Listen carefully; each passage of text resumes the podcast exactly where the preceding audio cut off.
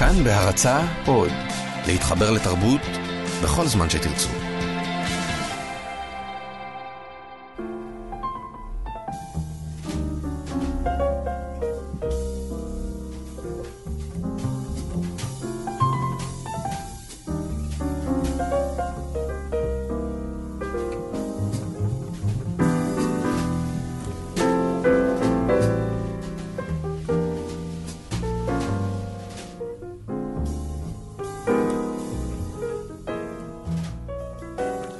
צהריים טובים, אנחנו בהתבודדות. אני יאיר אסולין, תהיה עמיחי חסון. אהלן עמיחי, מה המצב? שבת שלום. טרם, טרם. כן. מה קורה?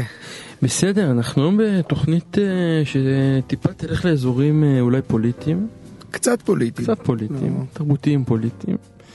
ואני דווקא אשמח לצאת אה, ממנה לטקסט של הרב קוק, מתוך שמונה קבצים. כידוע, הרב קוק, אה, כתביו האמיתיים הוסתרו במשך, אה, גרסותו, גרסותיהם האמיתיות של כתביו הוסתרו במשך שנים, והם השתחררו להם אה, פחות או יותר בעשורים האחרונים, לתוך שמונה קבצים, ואפשר לקרוא אותו שם נטול פילטרים, ולגלות דמות קצת שונה מהדמות שאולי עולה גם בבתי המדרש וגם בחדשות.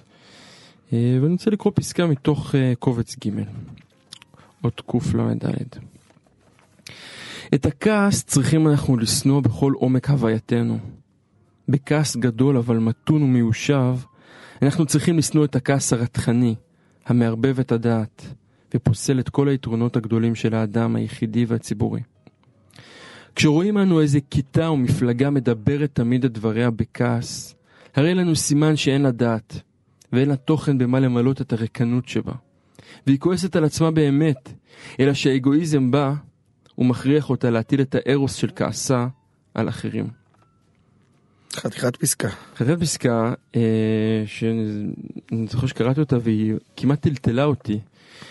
כי יש בה משהו שקודם כל אה, קל להפנות אותו כלפי אותה קבוצה שמתהדרת ברב קוק, אה, אותו, אותו זעם, אותו כעס גדול, שבעצם אומר הרב קוק, ברגע שאתה שומע את הכעס הזה, אתה יכול לזהות שהוא קודם כל כעס עצמי.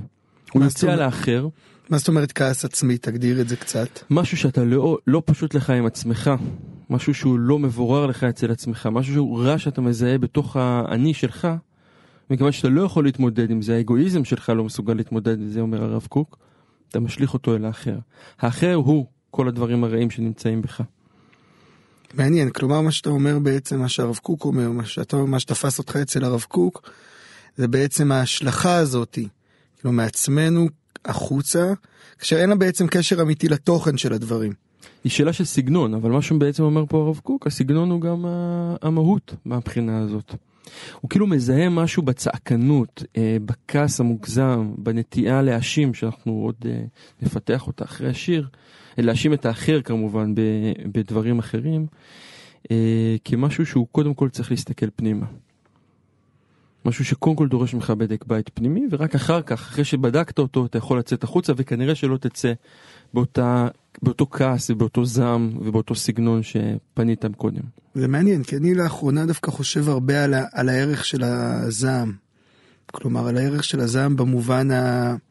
אני אעמיד אותו בהנגדה אל מול הפוליטיקלי קורקט האמריקאי, שכאילו נחרד, אתה, אתה זועם והתגובה היא חרדה. אני חושב שהחרדה הזו מזעם יש בה גם משהו מסוכן. יש בה גם משהו שהוא מתעתע בהרבה מובנים. יש משהו דווקא בשיח הזועם או הבוטה, שבעיניי לאחרונה אני חושב שהוא הוא חוסר, שהוא נעלם. אני מסכים שיש בו את הסכנות שלו וה... כן, גם שהרב קוק- בעידן טראמפ וזה, אתה מרגיש כן, שהשיח הזה נעלם? כן, אני חושב שכן, כי עידן- עידן טראמפ קורה בגלל שאנחנו במשך שנים הדחקנו את כל הזעם הזה, בגלל שאמרנו, זעם זה לא טוב, ואל תצעק, ותהיה רק מנומס, ותלך על פי איזה שהם כללים, שהפיצוץ המטורף של זה, אגב, עוד לפני טראמפ, אני כל הזמן, המחשבה, הייתי עסוק המון במחשבה, למשל, למה נערים באירופה הולכים ומתגייסים לדאעש. ואני חושב שזה יושב על אותם מקומות, כלומר יש משהו בניכור הבסיסי, יש סכנה במה שהרב קוק אומר, במובן הזה שזה יכול לייצר איזשהו ניכור למציאות. אני הרבה פעמים מעדיף שמישהו יצעק עליי ויוציא את הזעם שלו, מאשר מישהו שיכעס, יבלע את זה פנימה ורק יעשה לי פרצופים כאלה של פאסיב אגרסיב.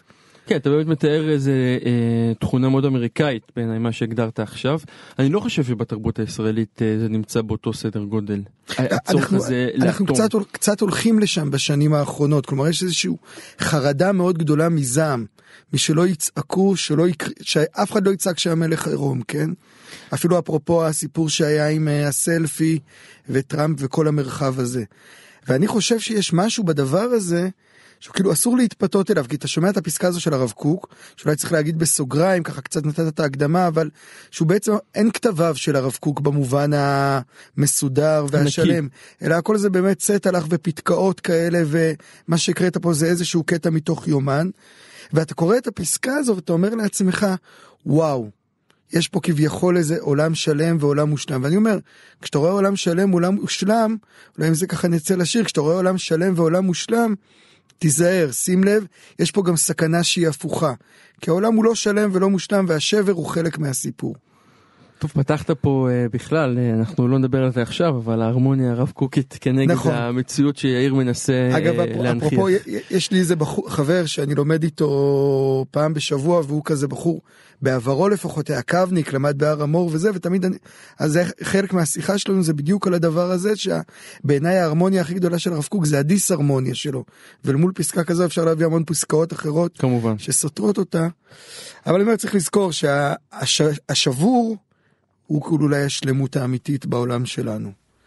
Now the press is down, the boss ain't here, he gone on for a while. Say that vanity got the best of him, but he sure left here in style. By the way, that's a cute hat, and it smiles so hard to resist. But what's a sweetheart like you doing in a dump like this? You know, I once wanted a whole man, not just a half. She used to call me sweet daddy when I was only a child. You kind of remind me of her when you laugh. In order to deal in this game, got to make the queen disappear. It's done with a flick of the wrist. What's a sweetheart like you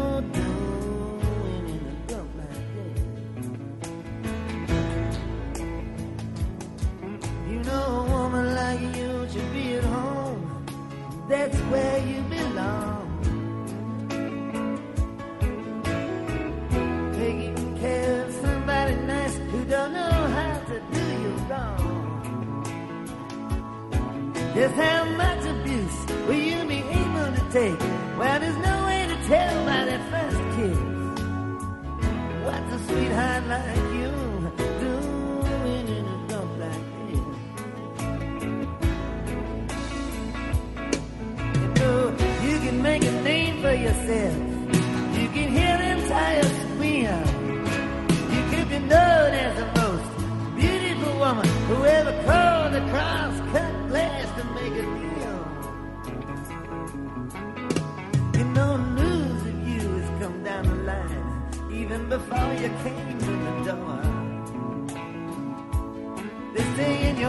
your house there's many mansions. Each one of them got a fireproof floor. Snap out of it, baby. People are jealous of you. They smile your face, but behind your back they hiss. What's a sweetheart like you doing in a dump like this?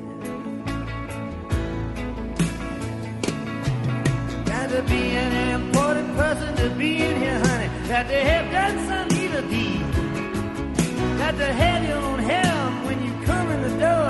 Got to play your harp until your lips bleed. They say the patriotism is the last refuge to which a scoundrel clings.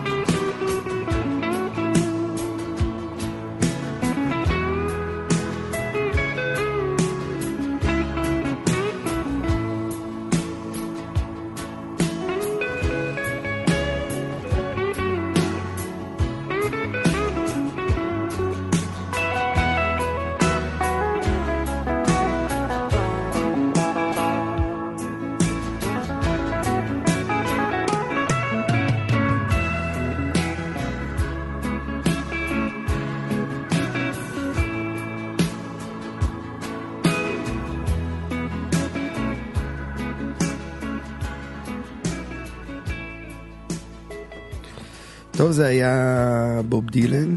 האמת שהבאתי את השיר הזה בעיקר בשביל הציטוט שלו של סמואל ג'קסון שהוא אומר פה ציטוט מפורסם אה, שהפטריוטיזם הוא מפלטו של הנבל. וזה משפט אה, שהוא נכון לשני הכיוונים אנחנו נפתח אותו קצת עכשיו את ההקשר הכללי אבל באמת הפטריוטיזם הוא מפלטו של הנבל אבל הרבה פעמים האנטי פטריוטיזם הוא מפלטו של הנבל גם כן. מה זאת אומרת? אני מרגיש שזה המון באומנות, שאחד הפתרונות הכי קלים אה, אה, לחוסר כישרון הוא להגיד או הפטריוטיזם שלי תקע אותי, או ההפך, או בגלל אני שאני כל כך, אה, בגלל שאני כל כך אנרכיסט וגדול ואנטי, אה, הסרטים שלי לא מתקבלים וכו', כאילו יש אני חושב משהו, שיש משהו בכלל בפטריוטיזם במובן של הכלליות. שהוא תוקע מבחינת יצירה או אנטי פטריוטיזם לא משנה הרעיונות הגדולים כלומר מי שמנסה ליצור מתוך רעיונות גדולים ממילא ייתקע. כלומר ממילא יאבד את הדבר הזה אם מישהו בא ואומר לך העבודה שלי היא פטריוטית או לא פטריוטית אתה מבין שהוא מפספס משהו מהותי לגבי יצירת אומנות. בעצם הצבת העמדה הזאת, אתה אומר. בעצם הצבת העמדה כשוב כפריזמה להסתכל על העבודה שלו כלומר בוא נדבר על פרטיות יש פה בני אדם. פה אנשים שהולכים וחוזרים אגב בסוגריים עוד מעט נגיד משהו לכיוון באמת השני אבל זה אחת הבעיות של השמאל היום בישראל. שהוא מדבר ברעיונות גדולים ולא ברגשות קטנים. כלומר יש משהו ב- בשיח דווקא הימני, תסתכל נניח על נתניהו נואם, תמיד זה סיפור. תמיד יש שם איזשהו מהלך רגשי מאוד פשוט. שאתה שוקע לתוכו ואתה מתחבר אליו גם אם אתה לא מסכים איתו באיזושהי צורה הוא פורט לך על נימים אינטימיים זה עובד. וזה זה עובד. בשונה ממנהיגי שמאל שעומדים ואומרים לך רעיונות מאוד נכונים, רק אתה אומר לך בסדר רעיונות מצוין יש אין סוף רעיונות בעולם עוד רעיונות. במובן הזה אני חושב שזה חלק מה שאמרת על הזה אבל אני חושב שכשדילן אומר שהפטריוטיזם מצטט כן. שהפטריוטיזם הוא מפלטו של הנבל. הוא כן מדבר על איזושהי תופעה שאגב שאנחנו רואים אותה היום מאוד מאוד חזק וקצת כן אותי אני חושב עליה לא מעט חושב וכותב עליה לא מעט אני חושב שמעניין אותי לשמוע איך אתה רואה את זה וככה ללבן את זה קצת כי באמת הדימוי הדימוי הכי טוב שקורה עכשיו במציאות זה הסיפור של טראמפ ורוסיה. כלומר בא בן אדם עולה על הבמה ואומר אני הולך לעשות את אמריקה גדולה שוב באתי להגיד הגן ו- ואתה מבין שבסאבטקסט של כל המהלך הזה עומד מהלך הפוך לחלוטין שהוא בעצם לבוא ולהקטין את ארצות הברית ולהפוך אותה לשפחה של רוסיה אולי החטא האמריקאי הגדול ביותר שאפשר לעשות.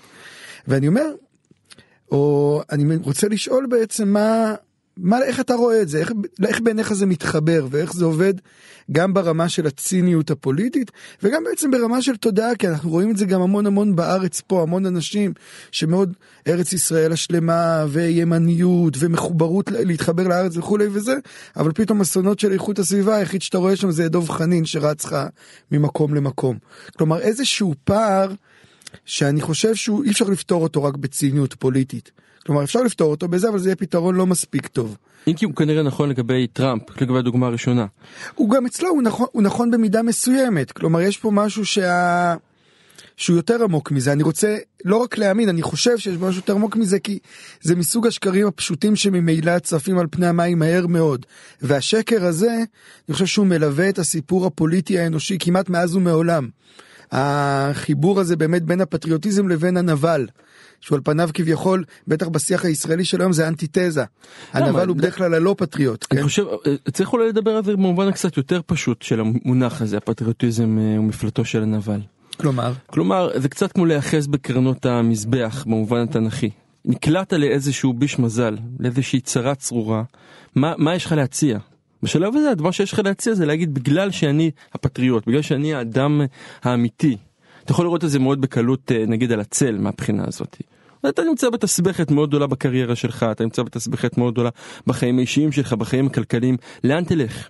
לא אני אומר מהו המזבח שאליו אתה יכול ללכת? ברור שאני יכול להבין את המניפולציה הפשוטה הזו אני רק רוצה לשאול או לתהות או לסמן שאולי יש משהו בעומק הפטריוטיזם בעומק המחויבות הזאת שאדם אומר אני מתחייב באופן טוטאלי למדינה וכולי. כל שוב זה גם קצת מה שאמרנו אולי על הרעיונות האומנותיים בהקשר הזה. כשבן אדם הולך למקום הזה המאוד מאוד כללי המאוד מאוד אפילו מופשט אפשר להגיד כן?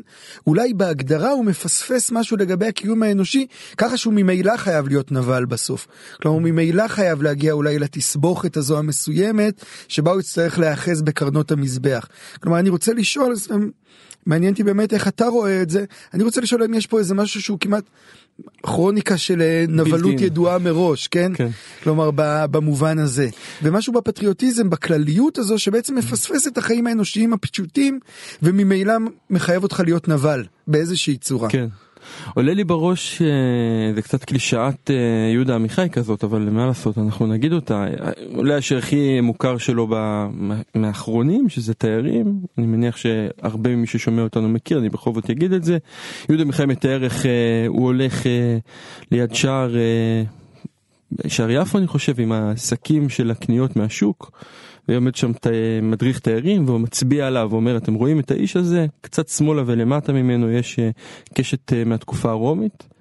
הוא מתרגז והוא אומר שהגאולה מתי תבוא כשיגידו להם אתם רואים את הקשת מהתקופה הרומית לא חשוב קצת למטה ומתחתיה עומד אדם. אדם שקונה פירות וירקות לביתו. וזה זה שיר שהוא קצת מעצבן כבר מרוב השימוש שלו אבל אני חושב שהוא הוא אומר משהו שקשור מאוד למה שאתה אמרת לגבי היכולת של הימין לספר סיפור לעומת הדיבור הגדול אה, בסיסמאות. כלומר יש משהו באמת בכלליות הזאת שמנטרל את האנושי ואת הייחודי ומכניס אותו לתוך הבליל הבלתי נסבל הזה כמעט של הכלל. וממילא אגב, הוא... בהפוך על הפוך הוא מתחבר לטקסט של הרב קוק שהבאת, כלומר על פניו היינו אומרים הוא היה מתחבר לטקסט במובן הזה שהצעקנות שאולי מתחברת לפטריוטיזם מי זה, אבל בעצם אני חושב בעומק זה בדיוק ההפך. כלומר יש משהו בניכור הזה שדיברנו עליו שהוא ניכור של רעיונות של דברים גדולים שמפספס בעצם את הקיום האנושי הפשוט. כי כן בסוף הימין הישראלי אני חושב שהוא הוא- גם הוא כן מפספס, הוא כן נאחז בפטריוטיזם ומגיע למקום של נבל בכל מיני מובנים. כלומר, ה... לא הייתי רוצה לחבר את זה להקשר של הסיפור, אני, בגלל שהזכרת העניין של הסיפור, לא הייתי רוצה לחבר את זה ישירות להקשר של הסיפור, כמו בעצם לבוא ולהגיד שהמדינה, אתה יודע, זה רעיון יהודי, רעיון יהודי כל כך בסיסי, כן? שהמדינה היא לא יותר גדולה מהאנשים. שמרכיבים אותה. ואולי אפילו הפוך, אלא היא, אנחנו תמיד חושדים בה ומסתכלים עליה באיזושהי עין עקומה. כלומר, המשהו, העניין הזה של להיות אופוזיציה, אני חושב עכשיו, אולי הוא חלק מהעניין, הוא מה ששומר עליך מפני להיות נבל. אפשר להגיד את הדבר הזה באיזושהי צורה. זה באמת נכון שפורטים את זה לאנשים שלא נופלים לשם, מה שהגדרת עכשיו בצורה לדעתי מבריקה את זה. הם יכולים להיות האופוזיציה של עצמם. ברגע שיש להם את הגן האופוזיציורי הפנימי הזה, הם לעולם לא ילכו לתוך כרוניקת הנבלות הידועה מראש. זה קצת מתחבר שדיברנו בת- בתוכנית הקודמת, הזכרנו את המסילת ישרים, את המשפט הזה שהוא אומר שאתה מפספס את החיים, אני חושב שזה גם חלק מזה. כלומר האופוזיציה, להיות אופוזיציה לעצמך זה קודם מחייב את עצמך לשאול ולחקור ולברר, ובעצם במובן העמוק של זה, זה מחייב אותך לא, לא להיות פטריוט. כי הפטריוט הוא זה שלא יחקור ולא ישאל ולא יברר. הפטריוטיות ולא מכה, מכה את היכולת היא לא, לא שהיא מכה, היא. היא כאילו בהגדרה שלה היא בעצם אומרת אל תעשה את זה, אל תשאל שאלות, אל תקשה, כי זה בעצם יכול להעמיד בס- בסימן שאלה את הפטריוטיות, אנחנו רואים את זה בשיח הישראלי היום, סביב זוגיות, על הסוגיות, על שוברים שתיקה וכולי, כלומר יש משהו בדבר הזה שהוא מאוד מאוד מסוכן. והוא מתחבר בסוף לנבלות הזו כי אם אתה לא שואל שאלות ואתה לא מברר אז בסוף סופך שתהיה נבל כנראה כי אין ברירה אחרת. אני כן אבל רוצה להגיד שדיברת באמת השיח הישראלי מלא היום בדיבור על בגידות ובוגדים אה, ומי הוא בוגד והטחת אצבעות אה, מנופפות ומאשימות אה, מכל הכיוונים. ואני חושב שאחד הדברים ש... שזה קורה בגללם הוא שהמובן מאליו אה, הלא לצאת מן הכלל הוא קצת נפרם לשתי הכיוונים. מה זאת אומרת? כלומר היה פעם לא לצאת מהכלל אגב אני שם את זה בקונטקסט אפרופו הפטריוטיות כן. כלומר כלומר יש אני, אני אתן את זה במקום אחר. יש את ההתכתבות הזאת של אה, גרשם שלום וחנה ארנדט אחרי אה, אין בך אהבת ישראל. כן אחרי אייכמן ואז הוא מטיח בה אין בך אה, אהבת ישראל והיא אומרת לו באמת אין בי אהבת ישראל אני אוהבת את החברים שלי אני אוהבת את השכנים שלי אני אוהבת את המשפחה שלי אבל אתה רוצה שאני אוהב עם. ובעיניי אה, גרשם שלום אומר שם משהו מאוד עמוק הוא אומר לה הוא אומר לה את זה כמעט כמו קללה אם את רוצה לבוא ולדבר איתנו. את מוזמנת אני לא אטיח בך שאת בוגדת אבל את צריכה לבוא מתוך נקודת המוצא הבסיסית הזאת מתוך המחנה המשותף הזה והמחנה המשותף הזה נדמה לי מתמוסס לו ולכן הוא מאפשר את השיח בוגדים הזה. מסכים לחלוטין, אני רק חושב שכאילו ה... הלוואי שכשהיינו אומרים פטריוטיות היינו מתכוונים להנחת המוצא הזו של אה, כן, אהבת של ישראל. ישראל. כן.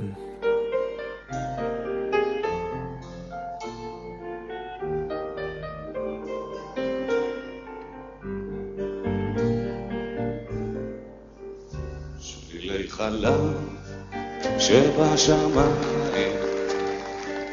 ודרך אין עפר נוסעים אלייך אל הבית את כל חלומותיי מן המדבר. ואז אנחנו שוב בשניים בעיר יפה לילית ומחזיקים את הידיים. כמו תמיד, כמו תמיד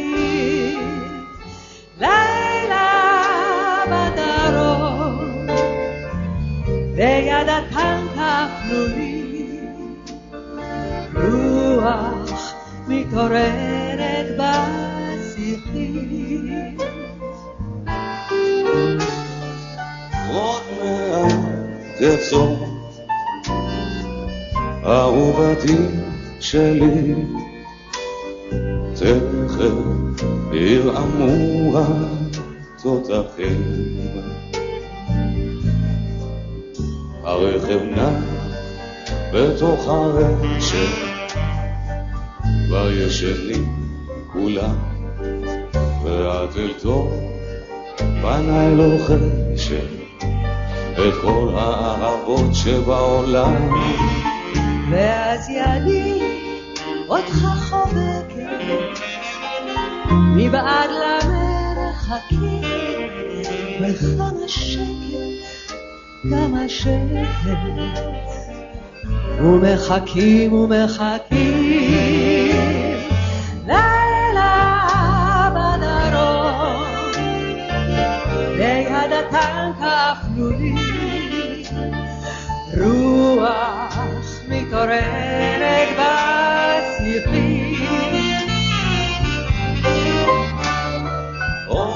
מעט יחזור.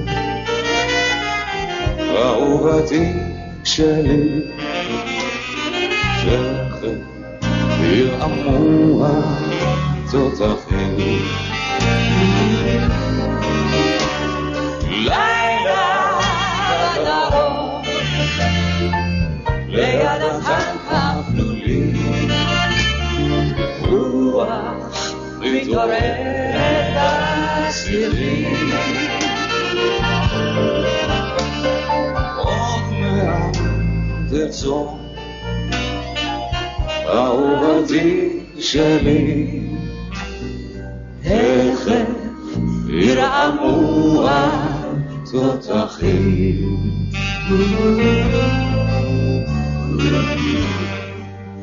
תודה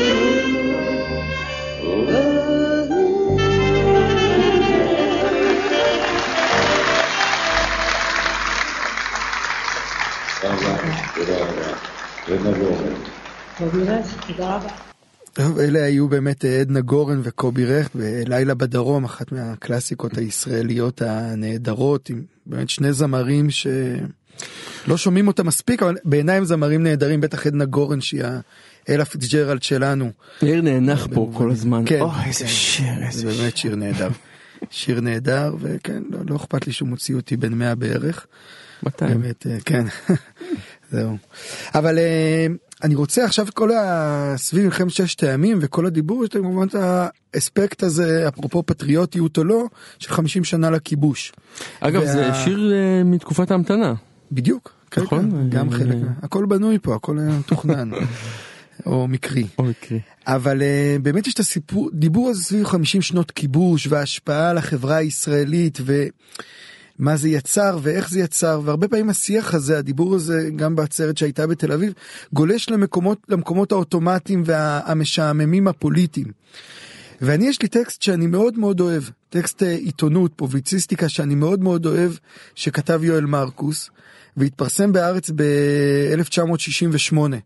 מאי אני חושב, כן מאי 1968, שנה למלחמה. שנה למלחמה, וזה בעצם הוא כותב אותו אחרי שהוא חוזר מפריז. הוא נמצא ארבע שנים בפריז והוא מתאר את החברה הישראלית שנה אחרי מלחמת ששת הימים, אחרי כביכול הניצחון הגדול, ההשתחררות הגדולה, והוא בעצם מדבר על הטקסט נקרא הישראלי המשמין. הוא מדבר שם על, על ההשמנה של הישראלי. גם בהמשך יונתן גפן לקח את זה כמובן, ארץ ישראל השמנה וכולי. כל המרחב ישורון. הזה, בדיוק. אבל ה... יש משהו בטקסט הזה, בפשטות שלו, בתיאור. אם דיברנו על הפער בין רעיונות גדולים לפרקטיקה של מציאות, שהוא מתאר את הישראלים ב-1968, ואני פשוט רוצה להקריא אותו בשלמותו, ולתת לו להדהד בראשים שלנו היום, 49 שנה אחרי. וככה הוא כותב: שעה קלה לאחר בואי לישראל, אחרי היעדרות ממושכת מן הארץ, הכישו אותי ידידים בבהילות כדבר מובן מאליו למסעדה מזרחית. במהרה נמלא השולחן חומוס טחון, טחינות, סלטים טורקיים ויוונים, כבושים מכל המינים, תריסר או שניים של שיפודי שישליק, בהם שוזרו נתחי שומן כיהלומים בטבעת אירוסין. ומעל הכל, ממרכז השולחן התעמר מגדל של פיתות. האנשים האיצו בלאכול, והם עצמם נראו כמי שזמן רב לא ראו מזון. מן הסתם הסיקו מרזוני שארבע שנים הייתי נתון במצוקת רעב בפריז. האמת הייתי, האם הייתי חולה באחרונה? שאלוני בפיות מלאים. מיד לאחר הסעודה שנחתה לתוך קיבתי כטונה עופרת, הריצוני ללא דיחוי לכוס קפה בביתו של מכר. שם כבר המתין לנו כיבוד קל של כבושים, חומוס, טחינות ודברי מאפה בתנור ממולאים בבשר ובנקניקיות קטנות. לקינוח גלידה עם פירות וקצפת, ועם הקפה שלשמו באנו, הוגשו שתי עוגות קרם. כל הנוכחים המתיקו את הקפה בסוכרזית, כמובן. זו הייתה פגישתי הראשונה עם ישראל. למחרת גיליתי גם שיש לגמוע מרחקים כדי למצוא תיבה למשלוח מכתבים, שיש להמתין בסבלנות במשרד הדואר עד שתסתיים, עד שתסיים הפקידה שיחה עם חברתה על הרומן האחרון של מירי, שיד אלמונית שברה בלילה את האנטנה ונפצע שמשה של מכוניתי. אך כל הגילויים הללו לא יכלו להאפיל על התרשמותי הראשונה מהתופעה שאפשר לכנותה הישראלי המשמין. אחרי ששהיתי שנים בארץ שרוב תושביה רזים וצרי כתפיים ופוחדים מן ההשמנה כמפני דבר, הרגשתי כבר בשעתי הראשונה על אדמת המולדת כגוליבר בארץ השמנים. התבוננתי סביבי בידידים, מכרים או בסתם פנים מוכרות שנתקלתי בהן. רבים מהם הולכים ברחוב בצעדים כבדים, כשכרסם לפעמים, לא כולם נכנעים למר גורלם. יש המתעקשים ללבוש עדיין מכנסיים צרים בעלי גזרה נמוכה, כך שחגורת המכנסיים יורדת אל מתחת לטבור, והכרס יוצאת בכל הדרה, ומתנדנדת לימין ולשמאל לפי קצב ההליכה. הפימות גדלו, הסנטרים הוכפלו והצווארים רכבו. כבר בנסיעתי הראשונה במונית הרגשתי שישראל שוב אינה מה שהייתה. פעם יכלו לשבת בקיץ שלושה אנשים בנוחות יחסית במושב האחורי. כיום אתה חייב לפלס את דרכך בכוח בין ערימות השומן. בימים אלה, בחגיגות ה-20 לקיום המדינה, הייתה הזדמנות להתבונן בתצלומים ישנים של תושבי ישראל בשנים הראשונות. בהשוואה לישראלי המשמין של 1968, נראינו כולנו כחולי שחפת. המכנסיים היו נפולים, המכנסיים היו נפולים, הכותנות מעל המידות, הרגליים רזות, גם נשים צעירות כמבוגרות נראו שבריריות ושקופות. הקצינים שלנו באותם הימים שהרבו להצטלם נראו רזים ושמורים כשחקני קולנוע. כיום מגדלים רבים מהם קרסים. מי שעקב אחר מצעד יום העצמאות בטלוויזיה יכול היה לראות בצילום קרוב את הקרסים מהגלגלות של הקצינים שהצדיעו מעל הג'יפים. עוד לפני שנים מספר הרגיש הרמטכ"ל בסכנת הכרס המתקדמת וחייב את יושבי המשרדים בריצה ובהתעמלות. הדבר הופסק. ממילא טוענים כיום גודלי, גדולי הדיאטנים שאין ההליכה והתרגול מפחיתים את משקלו של האדם. אני קופץ קצת. אין זה אומר שאין מדברים כאן על דיאטה. אין ארוחה שלא יימצא בה אדם שיעלה את הנושא בקולי קולות. אני באמת צריך לשמור על דיאטה. זה המשפט השבלוני הנאמר על פי רוב בין מנת הכבש בתנור ותפוחי אדמה במיץ לבין קרם הקרמל. הגיגים אלה מסתיימים בדרך כלל בהערה, צריך להתחיל ממחר. הדיבורים הרבים על דיאטה הנשמעים בעיקר במזללות הרבות שנפתחות בשנים האחרונות, מעידים כנראה על איסורי מצפון. יחד עם הסוכרזית, זה המס שהם משלמים על שגברה עליהם הזלילה, וש... ועל שהשלימו עם גורלם ומשקלם. הייתה תקופה, עוד לפני 4-5 שנים, שהורגש רצון לבלום את המגפה.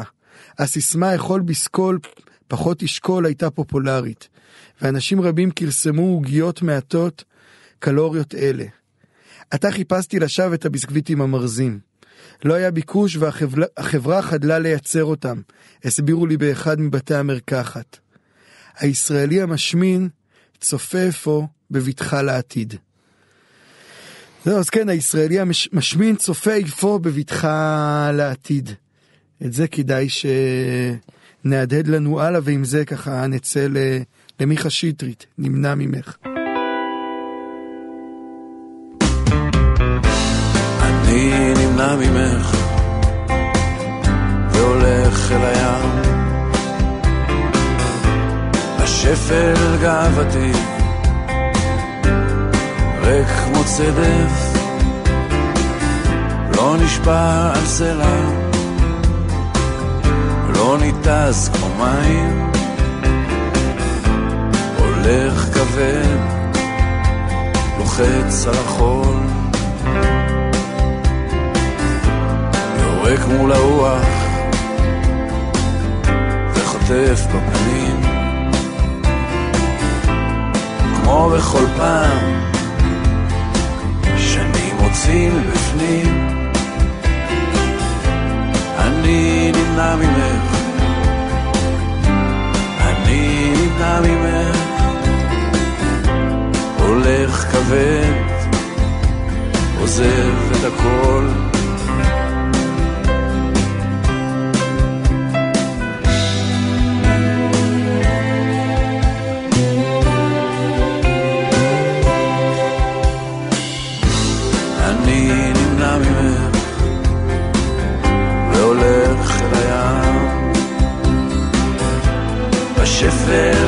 גאוותי ריק כמו צדף לא נשבע על סלע. לא ניתז כמו מים. הולך כבד. עוזב את הכל. הולך כבד. עוזב את הכל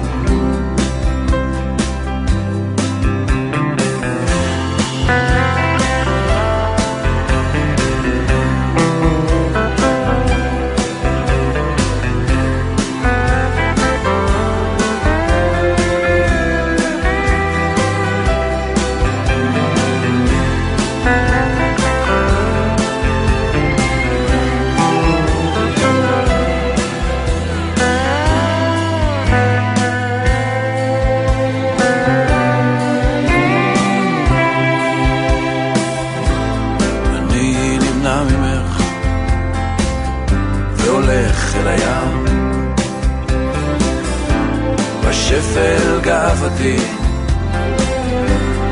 ריק כמו צדף.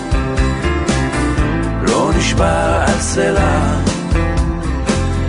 לא ניתז כמו מים. הולך כבד. לוחץ על החול הולך כבד, לוחץ על החול.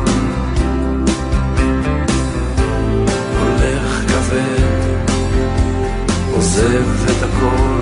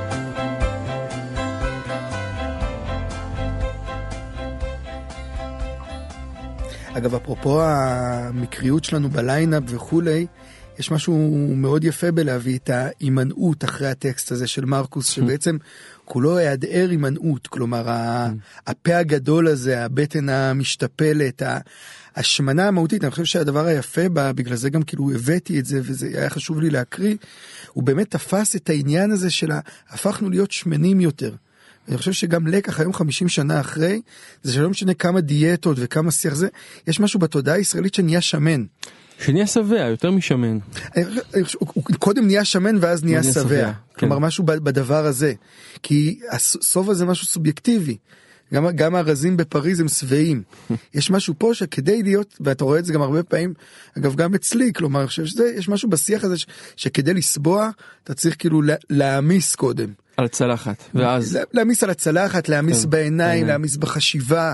כלומר כל דבר יש משהו בדבר הזה שהוא מבקש לאכול הרבה במובן השוב הלא אסתטי של המילה. נדמה לי שהפער הגדול וזה קצת העיר זה טקסט מקסים אני לא רוצה לרגע לבטל את אה, קסמו ואת המדויקות שלו אבל הפער ההשוואה הלא נעימה בעיניי אה, לפריז היא מהמקום שבאמת אתה מצטמצם מ- מ- מאדם שחווה תקופת צנע מעם ממדינה שחוותה צנע ובבת אחת נפתחו לה אה, הגדילה את עצמה זאת אומרת הפער פה הוא בלתי נתפס. ברור.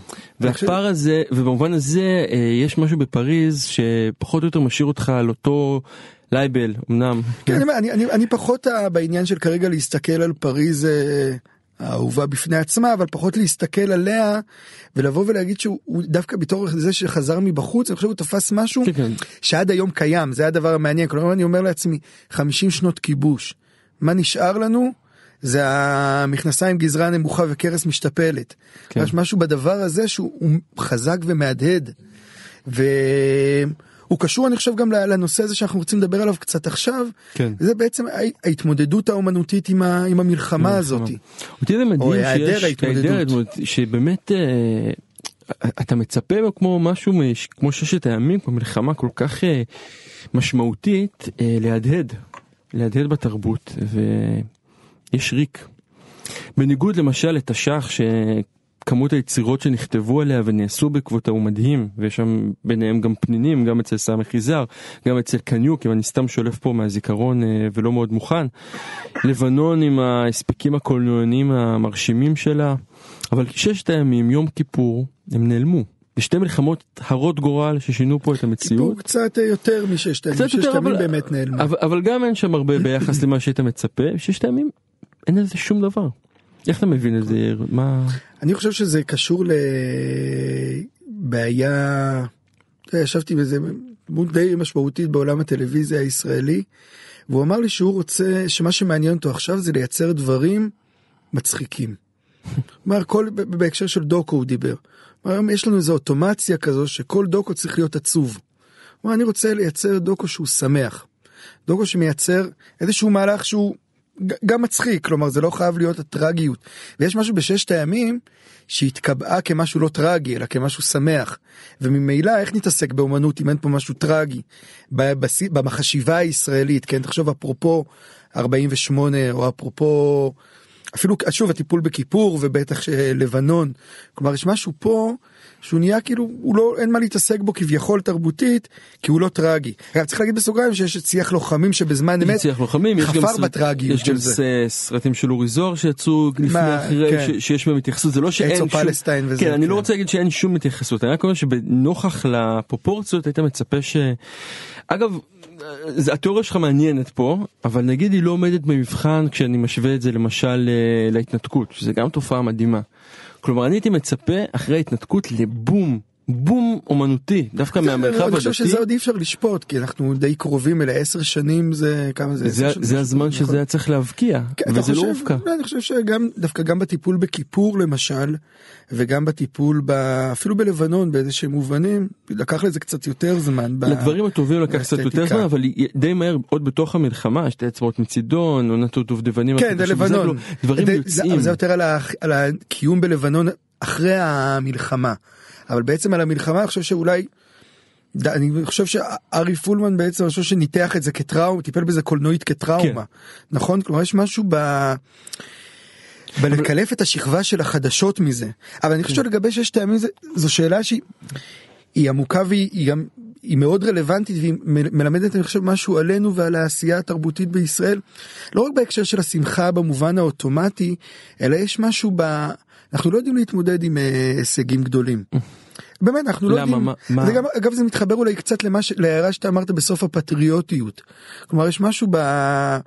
בדבר הזה שהוא הוא כאילו אני הייתי אומר שאהבת ישראל הזה יש בו הוא נהדר מה, מהחשיבה האומנותית באיזושהי צורה כלומר יש משהו טוב במלחמת ששת הימים.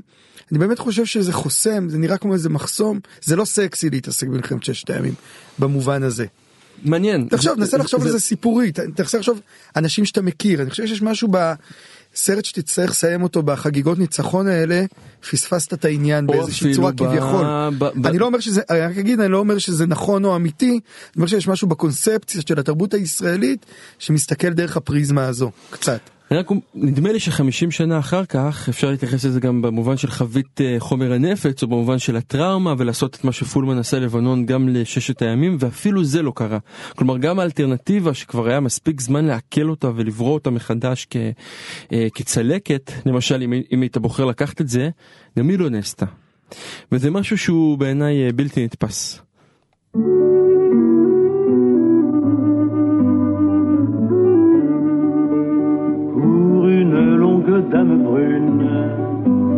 j'ai inventé une chanson au clair de la lune. Quelques couplets, si jamais elle l'entend un jour, elle saura que c'est une chanson d'amour pour elle et moi. Je suis la longue dame brune que tu attends. Je suis la longue dame brune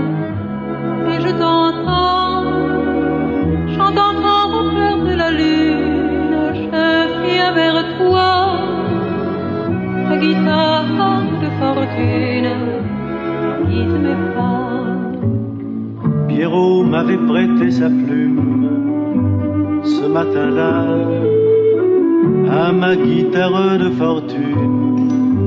J'ai pris le la, je me suis pris pour un poète en écrivant les mots qui passaient par ma tête comme le vent. Pierrot t'avait prêté sa plume cette nuit-là à ta guitare de fortune. Tu pris le la et tu t'es pris pour un poète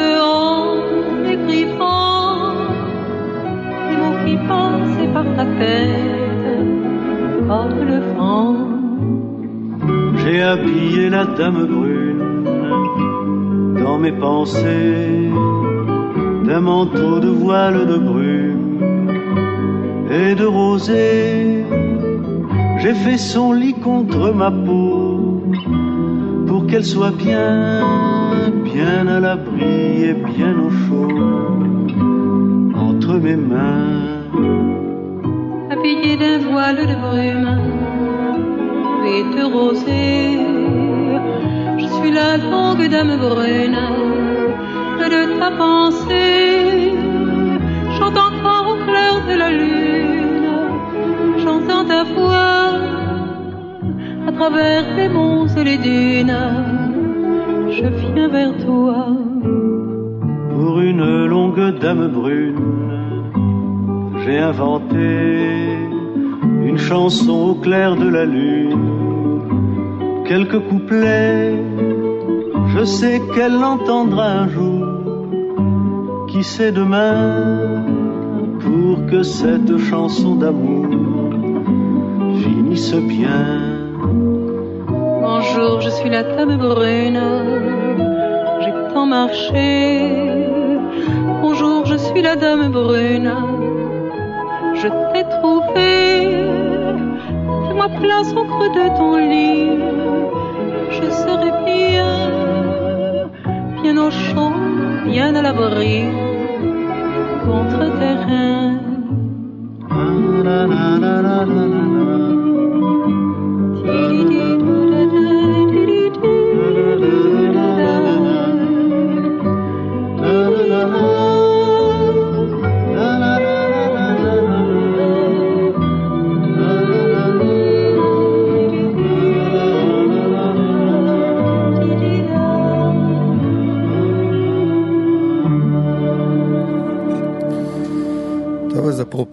פריז וכל הזה, באמת זה היה לאדם אברון, הגבירה בחום. אני זוכר את זה בתור ילד, אה, לדעתי אפילו השתרבב לי לאחד הספרים, את הזיכרון הזה ששומעים את יוסי בנאי ואילנה רובינה שרים את. הביצוע הישראלי היפה של זה. אני זוכר את זה על רקע כביש החוף, את הדבר הזה, את התמונה הזאת שאתה שומע את השיר הזה, משהו, זיכרון כזה שמלווה. הביצוע הזה כמובן של ברברה וז'ורג' מוסטקי. מעניין אגב שהשנסונים עברו אה, גיור אה, לחומרה וזה עובד לא רע בעיניי. עובד נהדר בהרבה מובנים. אני חושב שזה חלק, אגב, אפרופו מה שאתה אמרת על פריז, אפרופו הטקסט הזה של מרקוס, ובכלל, והאמריקאיות שדיברנו עליה בהתחלה, שאם נסתכל על החמישים שנה האלה שמאז מלחמת ששת הימים, באמת המגמה היא לעזוב את פריז ולעבור ל... אפילו לא ניו יורק, הייתי אומר, אה, אני יודע מה, לאיזה קולורדו או משהו. משהו, אמריקאיות מאוד אה, רפובליקנית שאליה אנחנו הולכים, ויש בזה משהו שהוא הוא מתחבר נראה לי למה שדיברנו על הפטריוטיות והיציאה מה, מהעולם הקטן הזה של פריז. אתה אומר לך כמה שפריז היא גדולה, בסוף הקיום הזה הוא קיום מאוד מאוד קטן ופרטי ונוגע ופשוט, בדיוק. וההשמנה הזו כאנטיתזה לפשטות, אני חושב שהיא היא אחד הדברים שאני לוקח באמת מהשיחה שלנו היום. כלומר, משהו ב, ברצון לבוא ולהגיד שאמנון דנקנר, שככה היינו חברים והיה לי קשר עמוק איתו בהרבה מובנים, כל ההסתייגויות וכו', כמובן, תמיד היה אומר, יש לו משפט אדיר בעיניי, שהוא אומר, טעם רע מוביל לפשע. אני חושב שזה חלק מהדבר הזה, כשמתחיל הטעם הרע, בסוף איכשהו ית- יתגלם בפשע מסוים. כן. וזה קצת ה... באמת מה שאתה, הציטוט הזה מדילן על. הפטריוטיות היא מפלטו של הנבל. זה בדיוק זה, זה, זה עיבוד פריזאי כן. למשפט הזה על הפטריוטיות. כי הטעם רע הוא, הוא בולע הכל. וזה באמת אנחנו שוב בא- באותו רצף כי מה זה נובורישיות בסוף הת- תיאור ההשמנה הזה הוא סוף תיאור של אנשים שפתאום קיבלו הרבה כסף ליד והם יכולים לאכול את כל התפריט. נכון. וזה חוזר לאותו טעם רע ואותו אה, אותה, אותו צבעון שמוביל אה, ובסוף בסוף בעומק זה חוזר אני חושב וזה העניין ה... שהוא גם אנטיתזה לפטריוטיות. הוא חוזר לזה שבשם הפטריוטיות ובשם הרצון להפגין כאילו את הקיום שלך אתה בעצם מוותר על הקיום שלך. אתה בעצם מוותר על הדבר האנושי הכי בסיסי וזה יכולת להגיד את זה אני רוצה ואת זה אני לא. ואני לא מעמיס על עצמי ולא בולס בכל מובן שהוא אלא אני שולט בקיום שלי. וזה בעיניי כאילו חלק מהעניין הזה, זה אותו מדרון חלקלק או לא חלקלק, שבו בסופו של דבר אתה מוצא את עצמך עם ה... מתחיל בטעם רע ובמסיים חתיכת פשע אמיתי. בין טעם רע בצלחת לבין אה, לבין פשע במציאות. פשע במציאות. לגמרי. אנחנו ניפרד אה, ונגיד אה, תודה לנדב אלפרין שערך אותנו. ואסף רפופורט שהיה הטכנאי הטכני, הטכנאי הטכני, האיש הטכני שלנו וגם הועיל בעוד כמה דברים. לחלוטין אנחנו נהיה פה גם שבוע הבא. בעזרת השם. שבת שלום. שבת שלום.